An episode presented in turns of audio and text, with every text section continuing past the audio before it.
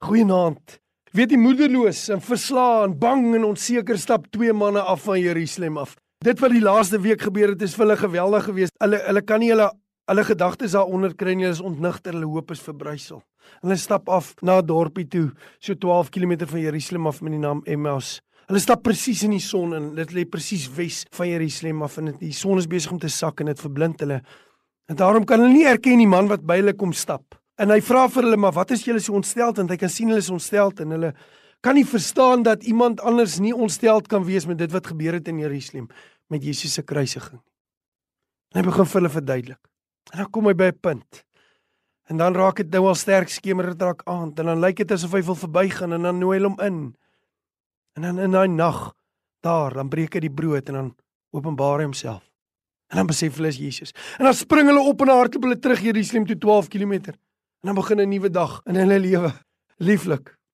Net soos wat jy sit in 'n situasie en is hopeloos en dit voel vir jou alles het gevou en dit voel vir jou alles is afdraand en dit voel vir jou jy word verblind met die son wat besig is om te sak oor jou lewe, oor jou verhoudinge, oor jou verhouding met jou kinders, oor jou huwelik, oor jou finansies, die son besig om te sak en jy voel moedeloos.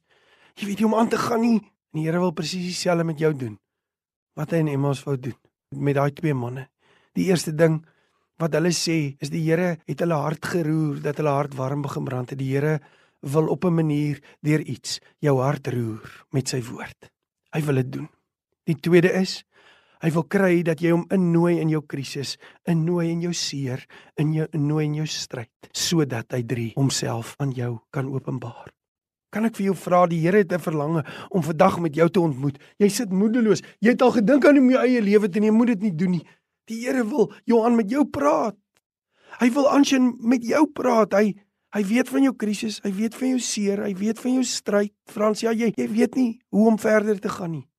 Wil jy nie kom? Wil jy nie toelaat dat hy vanaand jou hart roer deur sy gees? Ek ek bid daarvoor sodat jy hom kan innooi in jou stryd, innooi in jou seer, innooi in jou krisis sodat hy kan kom en homself vir jou openbaar sodat 'n nuwe dag aanbreek. Ek wil vir vandag vir jou sê, daai ding wat 'n krisis is, daai ding wat vir jou nou onmoontlik lyk en wat lyk asof dit jou lewe gaan neem, kan die Here se begin wees van 'n nuwe dag.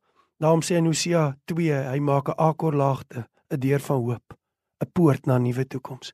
Jesus wil dit doen. Nooi hom in jou krisis, in jou seer, nooi hom in jou pyn, nooi hom in dit wat in jou neerdruk en laat toe dat hy homself aan jou openbaar mag. Here, jou seën. Amen.